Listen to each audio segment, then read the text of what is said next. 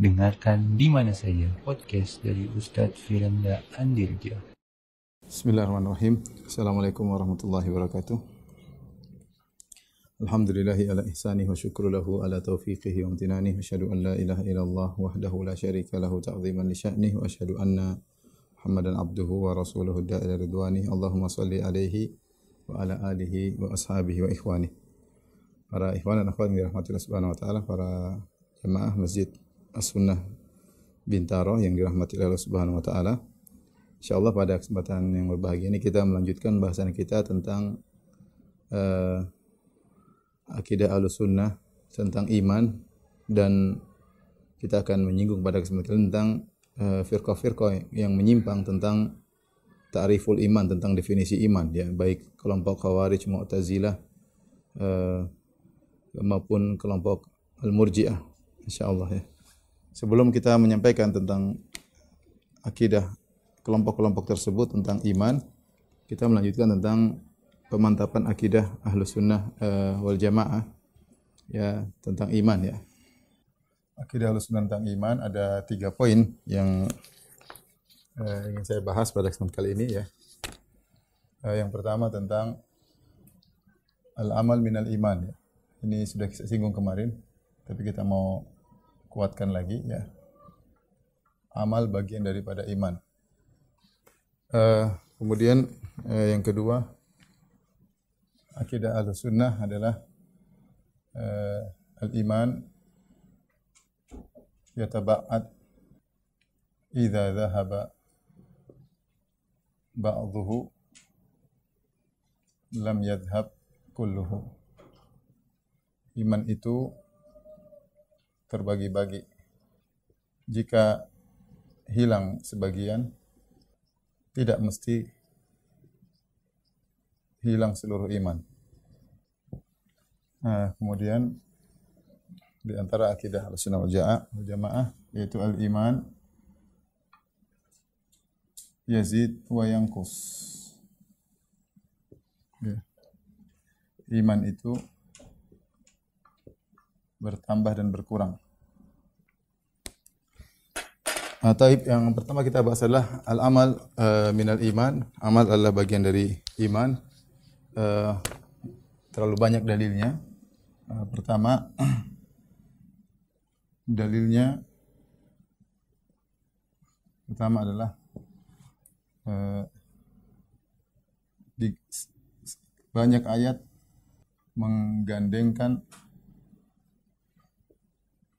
menggandengkan amal dengan iman. Ya. Karena pentingnya iman. Seperti firman Allah Subhanahu wa taala, "Innal ladzina amanu." Ini terlalu banyak seperti ini. Wa amilus solihati. Sungguhnya orang-orang yang beriman dan beramal soleh, ya. Orang-orang yang beriman dan beramal soleh. Ya. Perhatikan di sini, eh, adapun digandingkannya amal soleh setelah iman, ini adalah min bab atf al-khas alal am. Yaitu menggandengkan yang khusus yang khusus setelah menyebutkan setelah menyebutkan yang umum yang umum kenapa karena pentingnya karena pentingnya eh, contoh yang semisal ini contoh seperti firman Allah Subhanahu wa taala, "Hafizu ala salawati was salatil wusta." Kata Allah, jagalah salat dan jagalah salat asar, salat dusun, salat asar. Di sini salat asar bagian daripada salat. Jagalah salat lima waktu dan jagalah salat asar. Kenapa dikhususkan penyebutan salat asar? Karena penting harus diperhatikan ya. Sebagai makanya Nabi SAW mengatakan man taraka salatal asar faqad habita amaluh. Barang siapa yang meninggalkan salat asar maka telah gugur amalannya. Jangan dipahami bahwasanya salat asar bukan bagian daripada salat. Justru salat asar bagian daripada salat tetapi disebutkan secara khusus ini umum salat umum, salat asar secara khusus karena saking penting disebutnya, ya.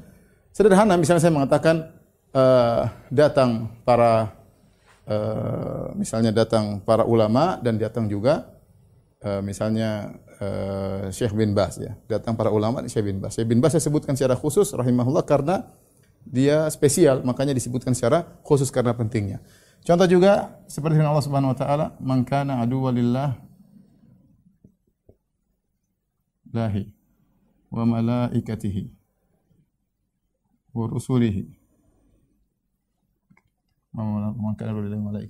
jibril. Wa jibril wa mikail. Fa inna allaha aduwwul lil kafirin. Fa inna allaha aduwwun lil kafirin. Kata Allah man kana lillahi malaikati wa rusuli wa jibril wa mikail wa mikail wa mikail fa inna allaha aduwwul lil kafirin. Barang siapa yang memusuhi Allah dan malaikat-malaikatnya dan para rasulnya dan Jibril dan Mikael.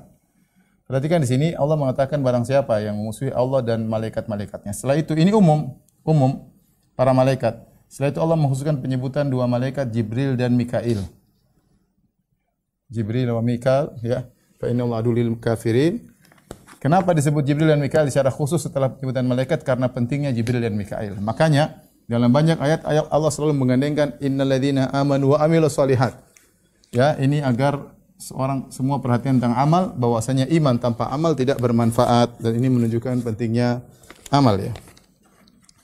Di antara dalil akan hal ini ya, bahwasanya adanya uh, kelaziman kelaziman hubungan antara uh, hati dan amal ya, antara batin dan zahir.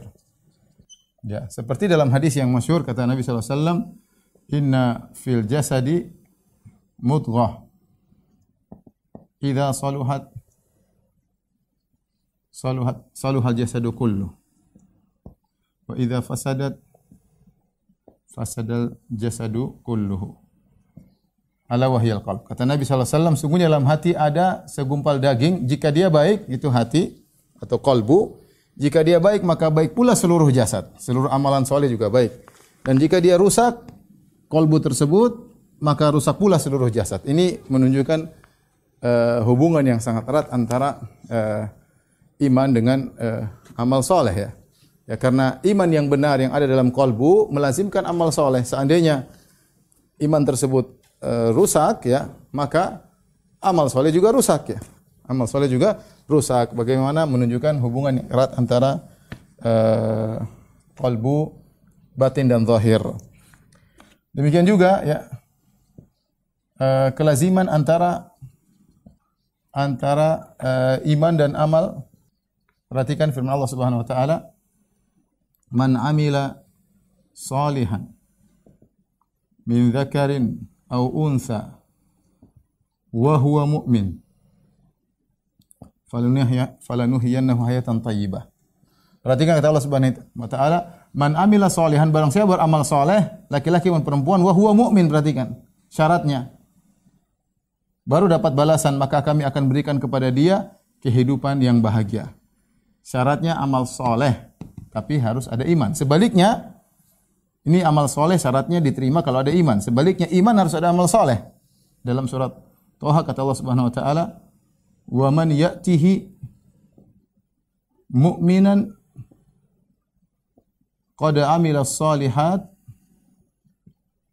fa ulaika lahumud darajatul ula.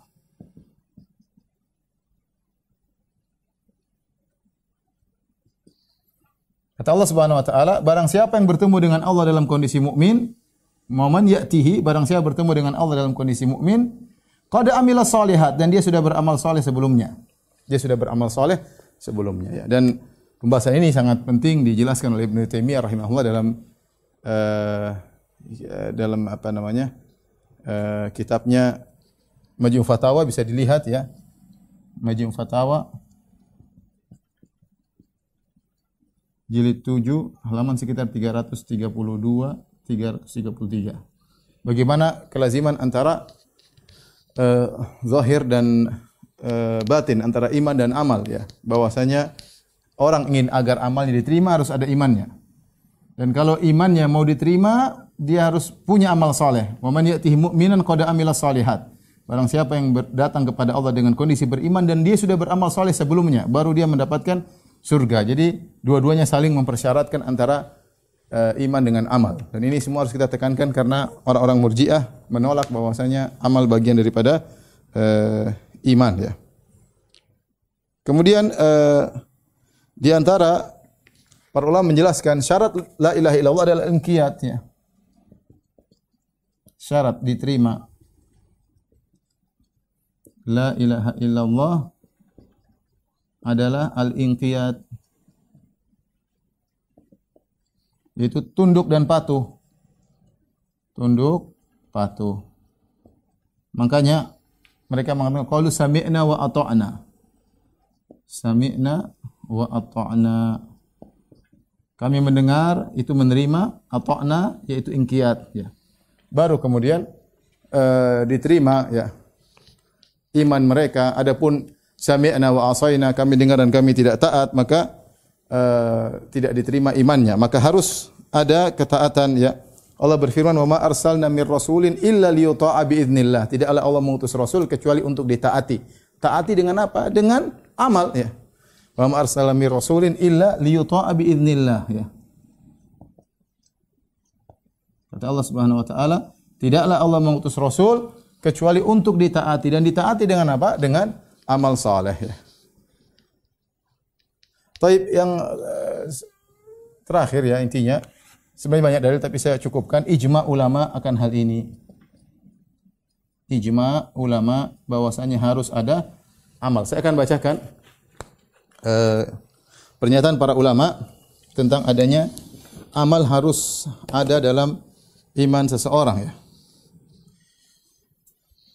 Pertama, perkataan Imam Syafi'i rahimahullahu taala Beliau berkata wa kana al-ijma' min as-sahaba wa tabi'in adalah ijma' dari kalangan para sahabat dan tabi'in. Wa man ba'dahum dan setelah mereka wa man adraknahum dan juga orang-orang yang kami temui Imam Syafi'i wafat 204 Hijriah.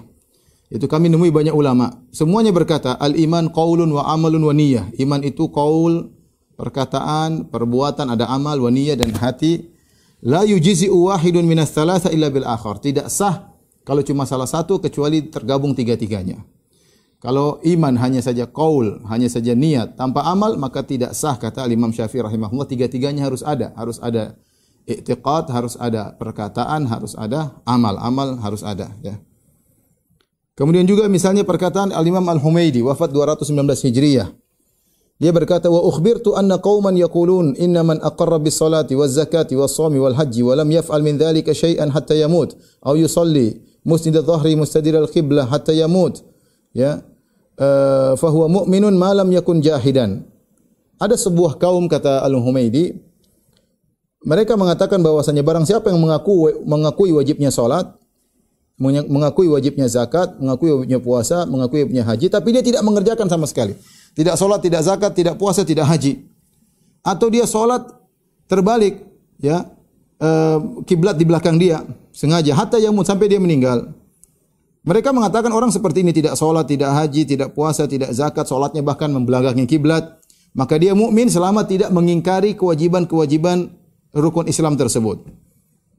Idza alima anna tarkahu dzalika, idza alima anna tarkahu dzalika fi imanihi, idza kana yuqirul furud wa istiqbal al-qiblah. Ya, selama dia masih mengakui bahwasanya uh, ini adalah perkara yang diharamkan oleh Allah Subhanahu wa taala dan dia mengakui perkara-perkara yang kewajiban dan dia mengakui bahwasanya harus menghadap kiblat. Cuma dia sengaja meninggalkannya ya.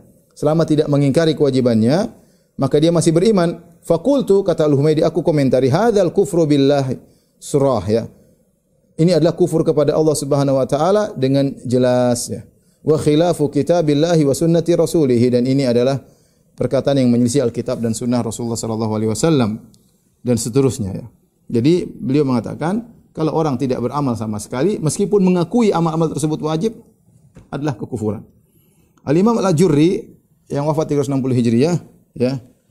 Uh, beliau berkata ya, Innal iman ma'rifatun bil qalbi tasdiqan yaqinan wa qaulun bil lisani wa amalan bil jawarih. Iman itu adalah mengenal dengan hati dan membenarkan dengan keyakinan dan perkataan dengan lisan, beramal dengan anggota tubuh, la yakunu mu'minan illa bihadhi thalatha. Tidak mungkin beriman kecuali terkumpul tiganya. Ada pembenaran dalam hati, ada lisan, pengucapan dan juga ada amalan anggota tubuh. ya la yujzi'u ba'daha an ba'd sebagian tidak bisa mencukupkan dari yang yang lain ini menunjukkan bahwa saja dia mengatakan seorang beriman harus ada amalnya kalau enggak ada amalnya maka tidak uh, tidak beriman ya ini di antara banyak uh, perkataan para ulama ya Ibnu Battah kemudian uh, yang lainnya Ibnu Taimiyah juga dengan uh, jelas beliau mengatakan ya Ibnu Taimiyah berkata wa aidan fa innal imana inda ahli sunnah wal jamaah qaulun wa amalun. Menurut ahli sunnah kata Ibnu Taimiyah adalah perkataan perbuatan. Kama dalla alaihi kitab wa sunnah sebagaimana ditunjukkan oleh Al-Qur'an dan sunnah. Wa ajma alaihi salaf dan para salaf telah sepakat. Wa alama huwa muqarrarun fi mawdhihi. Ya. Kemudian di akhir kata beliau fa idza khalal abdu anil amali bil kulliyah jika seorang hamba tidak beramal sama sekali lam yakun mu'minat maka dia bukanlah orang yang beriman. Jadi ijma ulama bahwasanya uh, iman itu harus disertai dengan amal ya. Ini kita ini ingin kita tekankan karena orang Murji'ah sepakat bahwasanya uh, amal bukan bagian daripada iman. Tapi sebelum kita melanjutkan tentang uh, perkataan ahlul bidah dalam hal ini, ada poin penting, kaidah yang sangat penting yang harus kita pahami karena ini berkaitan masalah iman dan juga masalah takfir. bahwasanya al-iman yataba'at. Menurut ahlu sunnah, iman itu terbagi-bagi Eh, terbagi-bagi ya. Idza dhahaba ba'dhuhu kalau hilang sebagian tidak mesti lam yadhhab kulluhu, tidak mesti hilang seluruhnya. Dan ini berbeda dengan uh, pendapat Murji'ah dan Khawarij dan Mu'tazilah. Adapun Murji'ah, Khawarij dan Mu'tazilah mereka mengatakan iman adalah satu kesatuan. Idza dhahaba ba'dhuhu dhahaba kulluhu. Kalau sebagian hilang dari uh, bagian iman maka hilang seluruhnya. Jadi mereka menganggap iman itu satu kesatuan. Hilang sebagian hilang seluruhnya. Ahlus-sunnah tidak. Iman terbagi-bagi. Iman terbagi-bagi. Sebagaimana pernah kita jelaskan, Rasulullah SAW bersabda dalam hadis yang jelas ada hadis Abu Hurairah. Sudah kita pernah jelaskan. Kata Nabi SAW, uh, Al-iman uh, uh, bid'un wa sab'una syu'bah. Iman itu 70 sekian cabang. A'laha la ilaha illallah yang paling tinggi la ilaha illallah adanaha kalim uh, imatatul adza anit tariq menghilangkan gangguan dari jalan itu bagian paling rendah daripada iman. Wal haya'u syu'batun min syu'abil iman. Adapun rasa malu adalah bagian daripada cabang keimanan. Di sini Nabi menggambarkan iman 70 sekian cabang. Tidak semua cabang hilang, perhatikan. Tidak semua cabang hilang lantas iman hilang ya. Di antara cabang-cabang tersebut misalnya menghilangkan gangguan dari jalan. Coba kalau kita lihat ada gangguan di jalan tidak kita hilangkan, kita kafir? Jawabannya tidak. Kita beriman tapi iman kita kurang. Tidak sempurna karena ada cabang keimanan yang tidak kita kerjakan. Ya. Kecuali kalau yang hilang dari bagian keimanan tersebut adalah la ilaha illallah baru kafir, baru hilang semua. Ibarat pohon. Ibarat pohon, kalau cabangnya dipotong-potong, ya. Masih tetap dikatakan pohon meskipun pohon tersebut tidak sempurna. Kita potong daunnya, kita potong dahannya, selama dia masih ada akarnya masih dikatakan pohon. Tapi kalau sudah dicabut dari tanah ya sudah pohonnya sudah mati. Kita katakan sudah tidak jadi pohon lagi. Kenapa sudah dicabut seakar-akarnya? La ilaha illallah yang sudah tidak ada, dia melakukan kufuran maka selesai. Jadi ini adalah kaidah yang sangat sederhana bahwasanya uh, iman bercabang-cabang. Jika hilang sebagian tidak hilang seluruhnya. Tidak hilang seluruhnya. Nanti akan kita jelaskan harus ngerti dulu ini sebelum kita menjelaskan tentang iman menurut ahlul bidah ya. Adapun dalilnya banyak ya dalil tentang hal ini ya. Dalil seperti uh, sabda Nabi wasallam ya uh, akhriju minan nari man kana fi qalbihi dzarratan minal iman. Atau kama qala Nabi wasallam ya kata Nabi keluarkan dari neraka uh, orang yang imannya sebesar zarrah itu imannya sangat kecil ya. Ini berarti menunjukkan iman ini imannya banyak yang lepas ya, tetapi dia masih punya sedikit keimanan yang buat dia tidak kafir. Makanya dia disisi dalam neraka jahanam, suatu hari dia dikeluarkan. Dan Allah mengatakan akhriju minan nari, keluarkan dari neraka jahanam. Cari orang-orang yang masih ada imannya. Dia sudah disiksa. Ya, kenapa imannya tinggal sedikit tapi masih ada? Berarti banyak cabang keimanan yang lepas dari dia. Seandainya iman dia sempurna, dia akan masuk surga. Tapi banyak cabang keimanan lepas dari dia, tinggal sedikit keimanan yang ada pada hatinya, suatu saat dia dikeluarkan dari neraka jahanam. Menunjukkan bahwasanya iman e, bertingkat-tingkat ya. Kemudian juga misalnya kata Nabi SAW, ya, arbaun man kunna fihi eh, kana munafikan khalisan. Ya. Wa man kanat fihi khaslatun khaslatun minhunna kanat fihi khaslatun minan nifaq hatta yada'aha Kata Nabi SAW, empat perkara, barang siapa man kunna fihi, barang siapa yang terdapat empat perkara tersebut pada dirinya, maka dia adalah seorang munafik yang murni. Karena munafikan khalisan, seorang munafik yang murni. Wa man kanat fihi khoslatun minhunna, barang siapa yang hanya mendapat sebagian dan tidak semuanya empat-empat, hanya sebagian, atau satu misalnya, terdapat pada dirinya, kanat fihi khoslatun minan nifak, maka pada dirinya adalah uh, bagian daripada kemunafikan sampai dia meninggalkannya. Empat perkara tersebut sebagaimana alat tanda-tanda orang munafik.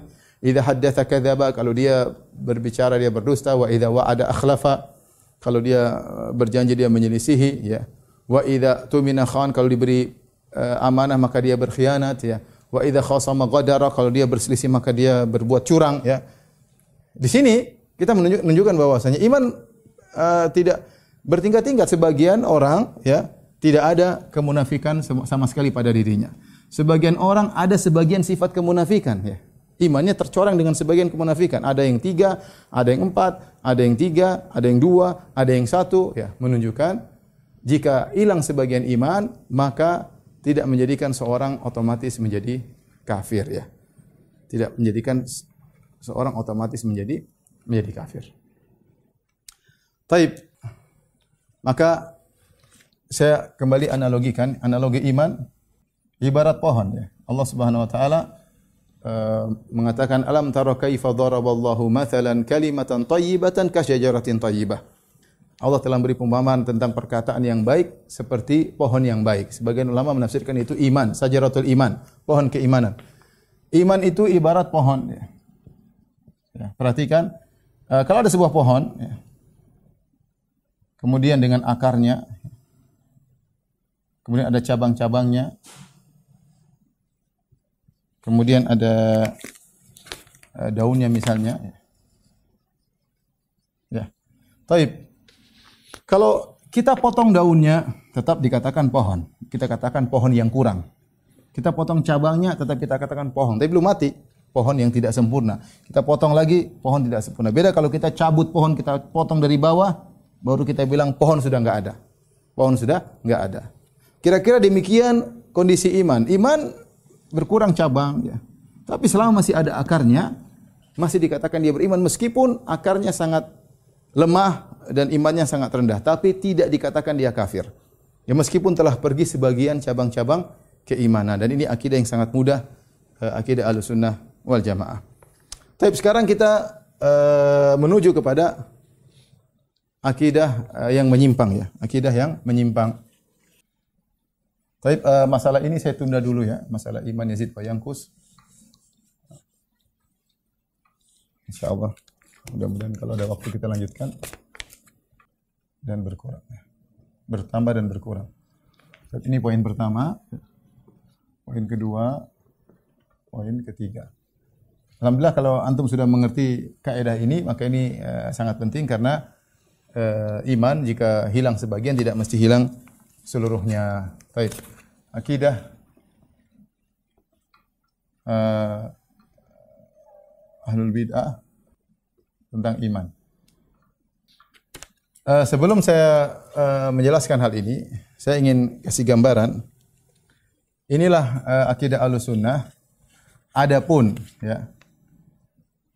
Adapun uh, ahlul bid'ah maka menurut mereka iman itu satu kesatuan, ya. Iman satu kesatuan, tidak terbagi-bagi. Tidak terbagi-bagi. Jika hilang sebagian, hilang seluruhnya. Hilang seluruhnya. Ya, ini kaidah yang disepakati oleh mereka. Mereka bilang iman satu kesatuan, kalau hilang sebagian hilang seluruhnya. Kata mereka ibarat angka 10. Angka 10 kalau hilang satu sudah tidak dikatakan 10 lagi. Berubah namanya jadi 9. dulu para Syekhul Islam uh, mencontohkan dengan suatu nama makanan namanya saken jabin. Saken jabin itu makanan yang tercampur antara manis dan kecut ya. Kalau dihilangkan manisnya sudah tidak dikatakan lagi saken jabin ya. Apa seperti makanan apalah kita kalau ada makanan ada misalnya permen nano-nano ya. ada rasa manis asam asin. Kalau hilang rasa manisnya sudah tidak dikatakan nano-nano lagi, permen lain namanya. Permen lain namanya. Kalau hilang asamnya tidak dikatakan lagi nano-nano, berubah namanya. Sama seperti angka 10 kalau diambil satu tidak dikatakan lagi 10, namanya jadi 9. Kata mereka demikian juga iman. Iman kalau hilang sebagian maka hilang seluruh nama iman. Iman tidak terbagi-bagi. Al iman la yata, la yatajazza. Idza dhahaba ba'dahu dhahaba kulluhu. Iman tidak terbagi-bagi. Jika hilang sebagian maka hilang seluruhnya. Dari sini terpisahlah antara kemudian ini jadi mereka sepakat ya. Ini sepakat. Setelah itu berselisih, lalu berselisih. Perhatikan. Ada khawarij, ada mu'tazilah. Ya. Ada khawarij dan mu'tazilah. Kemudian ada al-murji'ah. Yang muncul pertama kali dalam dunia Islam adalah bid'ah khawarij. Ya. Bid'ah khawarij disusul oleh mu'tazilah.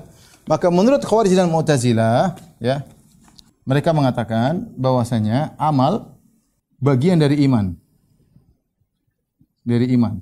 Seperti seperti apa? Seperti ahlus sunnah, amal bagian daripada iman. Tapi bedanya, tapi kalau ada kewajiban yang ditinggalkan, tinggalkan satu saja, maka kafir, keluar dari iman, kafir.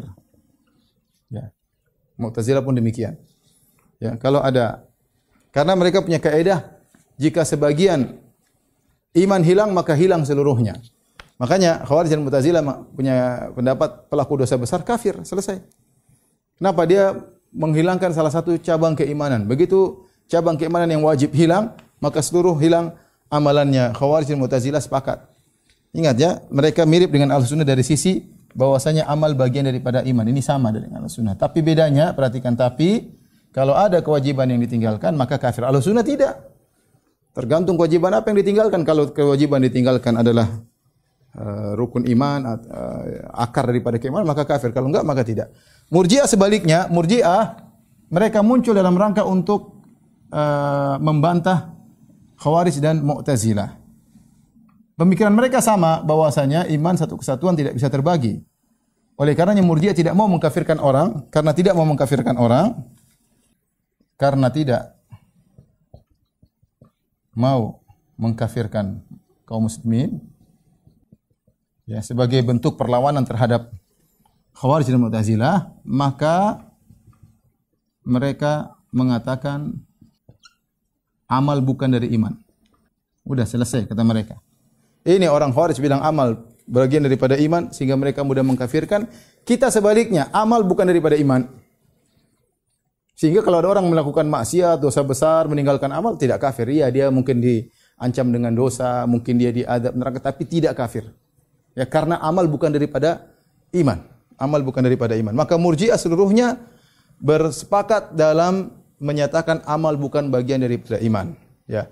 Ini uh, asal muasal atau sumber sumber uh, pokok yang menjadikan muncullah bid'ah Khawarij dan Mu'tazilah uh, akidah Murji'ah. Tapi kita akan jelaskan mungkin secara detail karena Murji'ah bermacam-macam. Ya. Sudah kita singgung, kita bagi dua ya. Uh, gampangannya gini. Uh, di sini al-iman qaulun wa amal ya. Iman perkataan dan perbuatan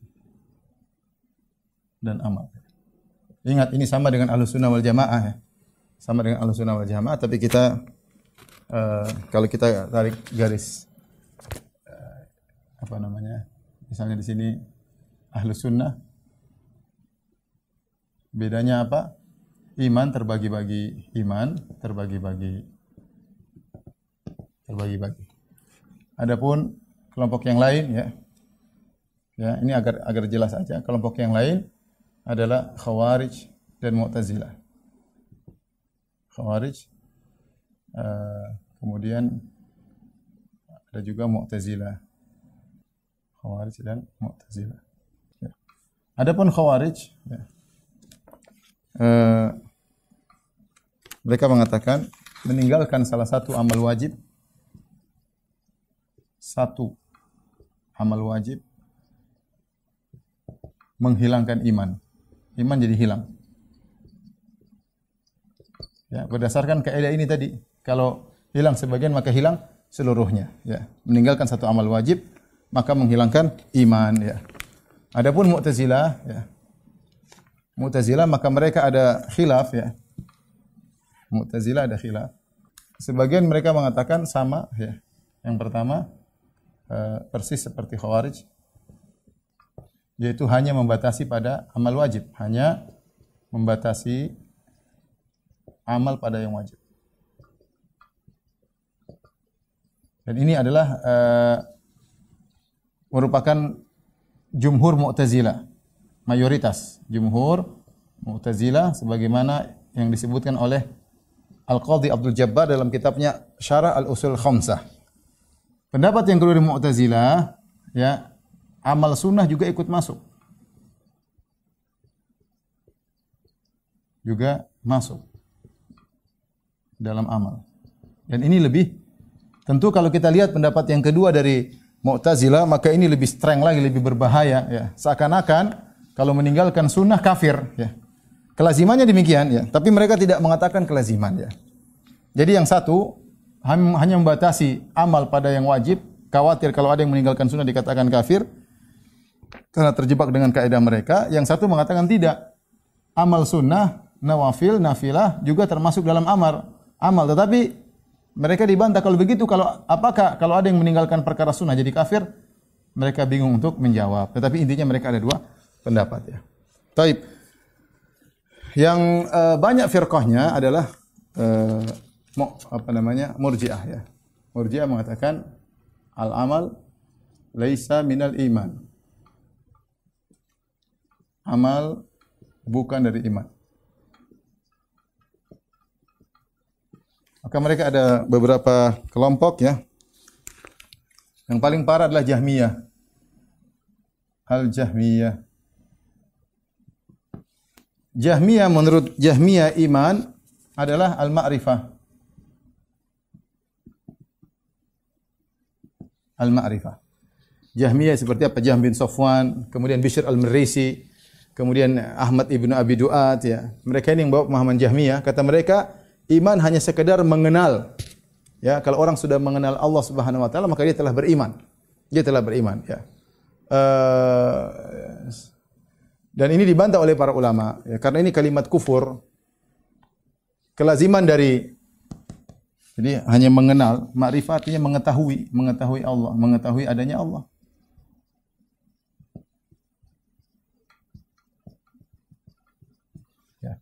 Kelazimannya kelazimannya apa? Kelazimannya Firaun beriman. Firaun ya. Yahudi Abu Jahal ya. Dan lain-lain. Mereka semua beriman karena mereka mengenal Allah Subhanahu wa taala. Firaun mengenal Allah. Ya. Bukankah Firaun ketika akan meninggal dunia Falamma adrakahul gharaqu qala amantu annahu la ilaha illa alladhi amanat bihi banu Israil ketika Firaun akan meninggal dunia berkata, "Aku beriman bahwasanya tidak ada yang berhak disembah kecuali Allah Subhanahu wa taala." Ya. Dia mengenal uh, Allah. Demikian juga Allah berfirman dalam Al-Qur'an, ya, "Wajahadu biha wastaiqanatha anfusuhum." Kata Allah Subhanahu wa taala, sesungguhnya mereka mengingkari Musa alaihissalam tetapi wastaiqanatha anfusuhum tapi hati-hati mereka Firaun dan pengikutnya wastaiqanatha anfusuhum mereka yakin tentang kebenaran Nabi Musa. Jadi Firaun kenal kenal Allah. Demikian juga kata Nabi Musa kepada Firaun, laqad alimta ha eh, laqad alimta eh, ha, ma anzala haula illa rabbus samawati wal ardi basair. Kata Musa, wahai Firaun, sungguh kau telah tahu tidak ada yang menurunkan segala mukjizat ini kecuali Allah Subhanahu wa taala. Ya. Jadi Firaun dia sudah tahu Allah cuma dia berlagak karena sombong dia ya Ya, kata Allah wastaiqanat anfusuhum zulman wa uluwa. Dia sebenarnya meyakini tapi dia mengingkari kenapa? Karena berbuat zalim dan karena sombong. Tapi hatinya mengakui. Yahudi tahu tentang Allah, tahu tahu tentang nabi ya. Kata Allah Subhanahu wa taala, ya.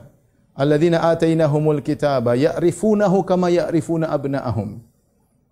Yang orang-orang yang kami berikan Alkitab yaitu Yahudi, mereka mengenal Rasulullah SAW sebagaimana mereka mengenal anak-anak mereka. Mereka tahu.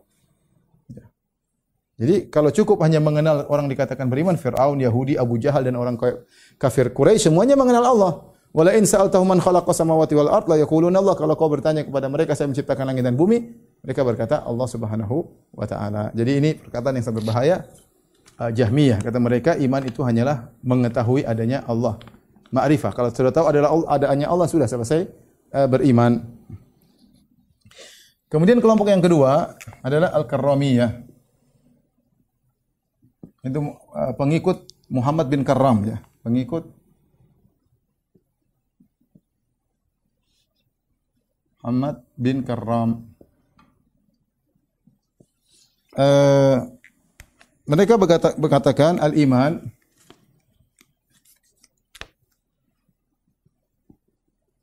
qaulun bil lisan. Iman itu hanyalah perkataan. Iman hanyalah perkataan. Hanyalah ucapan. Maksudnya ucapan apa? Syahadatain. Orang sudah syahadatain beriman. Meskipun hatinya kufur, dia tetap dikatakan beriman. Ya. Tetapi oleh karenanya menurut mereka, menurut mereka orang-orang munafik beriman. Kenapa? Karena orang munafik mengucapkan la ilaha illallah Muhammad Rasulullah. Cuma hatinya mengingkari. Kata karramiyah, eh, mereka beriman. Kita katakan mereka beriman sempurna iman mereka.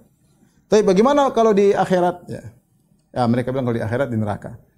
Sebagian sebagian orang salah paham, mereka menyangka ketika karramiyah mengatakan iman hanya di lisan, berarti orang-orang munafik juga di surga. Ini dibantah Ibnu Taimiyah. Ini mereka salah paham tentang karramiyah. Karramiyah hanya mengatakan iman berkaitan dengan di dunia. Orang munafik selama mereka mengucapkan la ilaha illallah Muhammadar Rasulullah maka iman mereka sempurna. Di dunia mereka orang beriman ya. Adapun di akhirat di neraka kata mereka. Tapi ini tentu definisi yang salah karena iman harus ada amal, ada i'tiqad dan ada lisan juga. Kemudian uh, yang berikutnya adalah uh, Asy'ariyah ya. Asy'ariyah ya, kalau kita mau uh, bagi dua ya. Uh, perkataan Abu Hasan Al-Asy'ari Al-Asy'ari yang terbaru yang terakhir yang terakhir. Abu Hasan Al-Asy'ari dalam kitabnya Al-Ibanah dan juga dalam kitabnya uh, Maqalatul Islamin beliau mengatakan seperti ahlu sunnah. Seperti ahlu sunnah. Itu apa? Al iman i'tiqadun wa qaulun wa amal dan ini bisa dilihat di risalah beliau al ibanah ya kemudian juga beliau menukil perkataan ahlu sunnah dalam kitabnya Maqalatul Islamin dan mengatakan wa aqulu bihi aku berpendapat dengan pendapat ahlu sunnah alul hadis ini Abu Hasan Al-Asy'ari.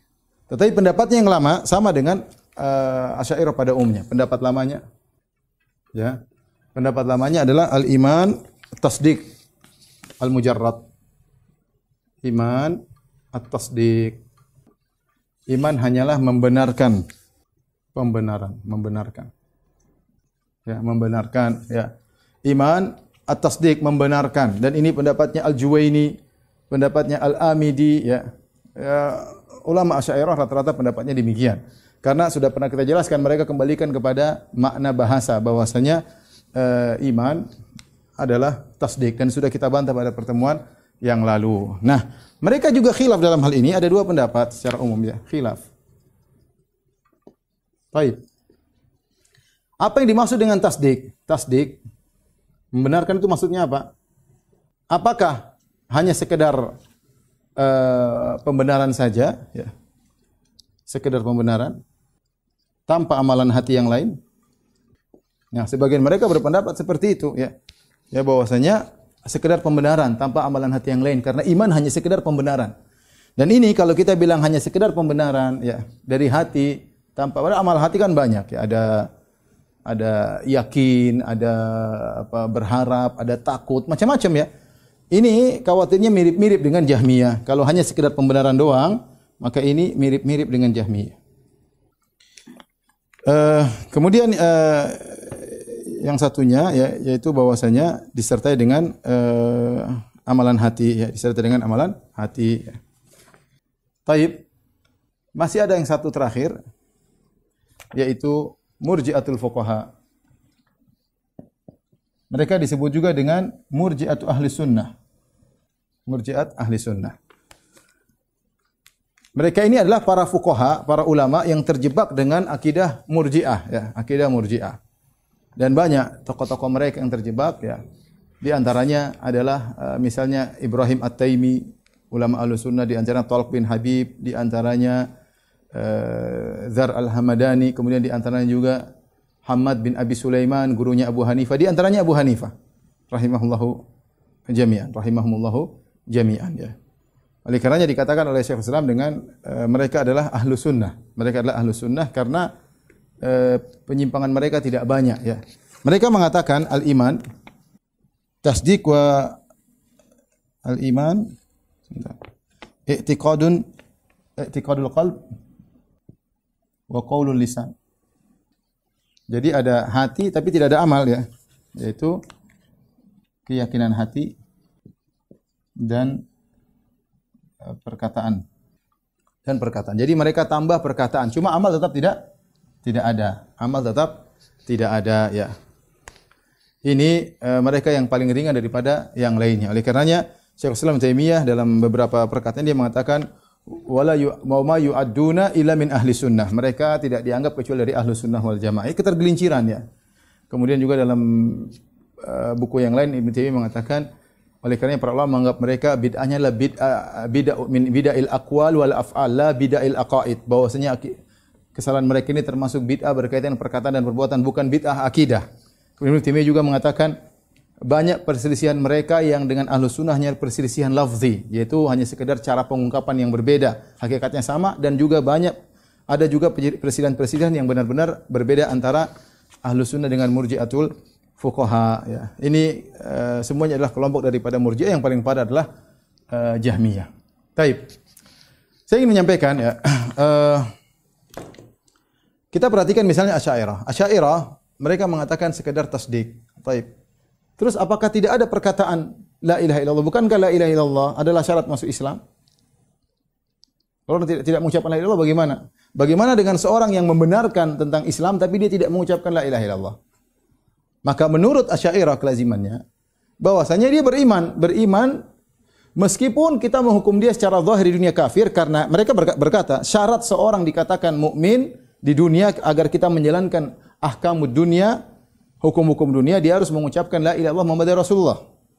Sehingga kita mensikap dia sebagai seorang muslim. Tapi seandainya, seandainya dia tidak mengucapkan Muhammad Rasulullah, la ilaha Muhammad Rasul, tapi dia meyakini kebenaran, maka dia sudah dikatakan beriman. Artinya di dunia kita hukum kafir tapi di akhirat dia beriman. Ya, karena mereka membatasi iman hanyalah hati, ya, hanyalah hati. Adapun perkataan itu hanyalah uh, hal yang di luar daripada iman, di luar daripada iman. Jadi mungkin antum bertanya, terus orang kalau tidak mengucapkan la ilaha kan perkataan lisan, apakah muslim menurut Asy'ariyah tetap kafir menurut Asy'ariyah. Tetapi jika dia membenarkan dalam hati, dia mukmin di sisi Allah Subhanahu wa taala. Mukmin di sisi Allah Subhanahu wa taala ya. Demikian juga misalnya murjiatul fuqaha ya tadi.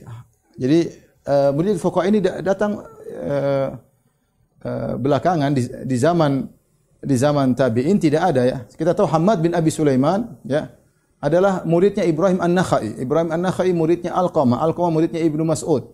Ya. Sampai Ibrahim An-Nakhai tidak ada bid'atul irja, tidak ada bid'ah murji'ah. Ketika Hamad bin Abi Sulaiman gurunya Al-Imam Abu Hanifah baru kemudian beliau terpengaruh dengan Eh, bid'atu al-irja terpengaruh ya dalam rangka membantah khawarij tentunya tapi beliau salah dalam hal ini bahkan beliau diingatkan oleh para para ulama namun beliau tetap bertahan rahimahullahu taala oleh karenanya banyak ulama yang membantah membantah uh, Hamad bin Abi Sulaiman kemudian juga membantah Abu Hanifah dan yang lainnya karena bid'ah al-irja ya Uh, bedanya mereka dengan ahlu sunnah di mana? Lihat perhatikan sini. Apa bedanya mereka dengan ahlu sunnah? Banyak hal, tapi di antaranya mengenai definisi.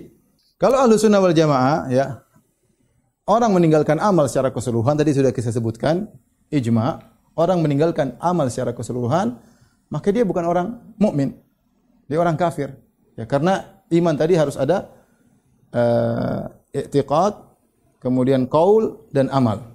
Seandainya ada orang tidak beramal sama sekali, maka dia bukan orang orang Islam ya. Adapun murjiatul fuqaha, kalau ada orang tidak beramal sama sekali, maka dia tetap beriman. Meskipun dia diancam dengan neraka. Makanya murjiatul fuqaha juga menamakan amal dengan ketaatan, menamakan amal dengan uh, takwa ya. Kalau orang tidak melaksanakan amal maka diancam dengan neraka, orang meninggalkan amal soleh diancam dengan neraka. Mereka juga sama dengan kita. Cuma bedanya dalam masalah hakikat iman menurut mereka amal bukan bagian dari iman. Konsekuensinya jika ada seorang meninggal tanpa beramal soleh sama sekali, dia tetap ber, beriman. Tetap ber, beriman. Ini salah satu perbedaan, tentu ada perbedaan yang lain masalah tambahan dan uh, berkurangnya iman. Insya Allah kita bahas pada uh, kesempatan uh, berikutnya ya. ya. Dan juga uh, masalah uh, takfir mungkin kita lebih perdalam pada pembahasan berikutnya. Allah alam bisawab. Mungkin ini saja yang bisa saya sampaikan. Semoga bermanfaat. Subhanakallah bihamdik asyhadu an la anta. Assalamualaikum warahmatullahi wabarakatuh.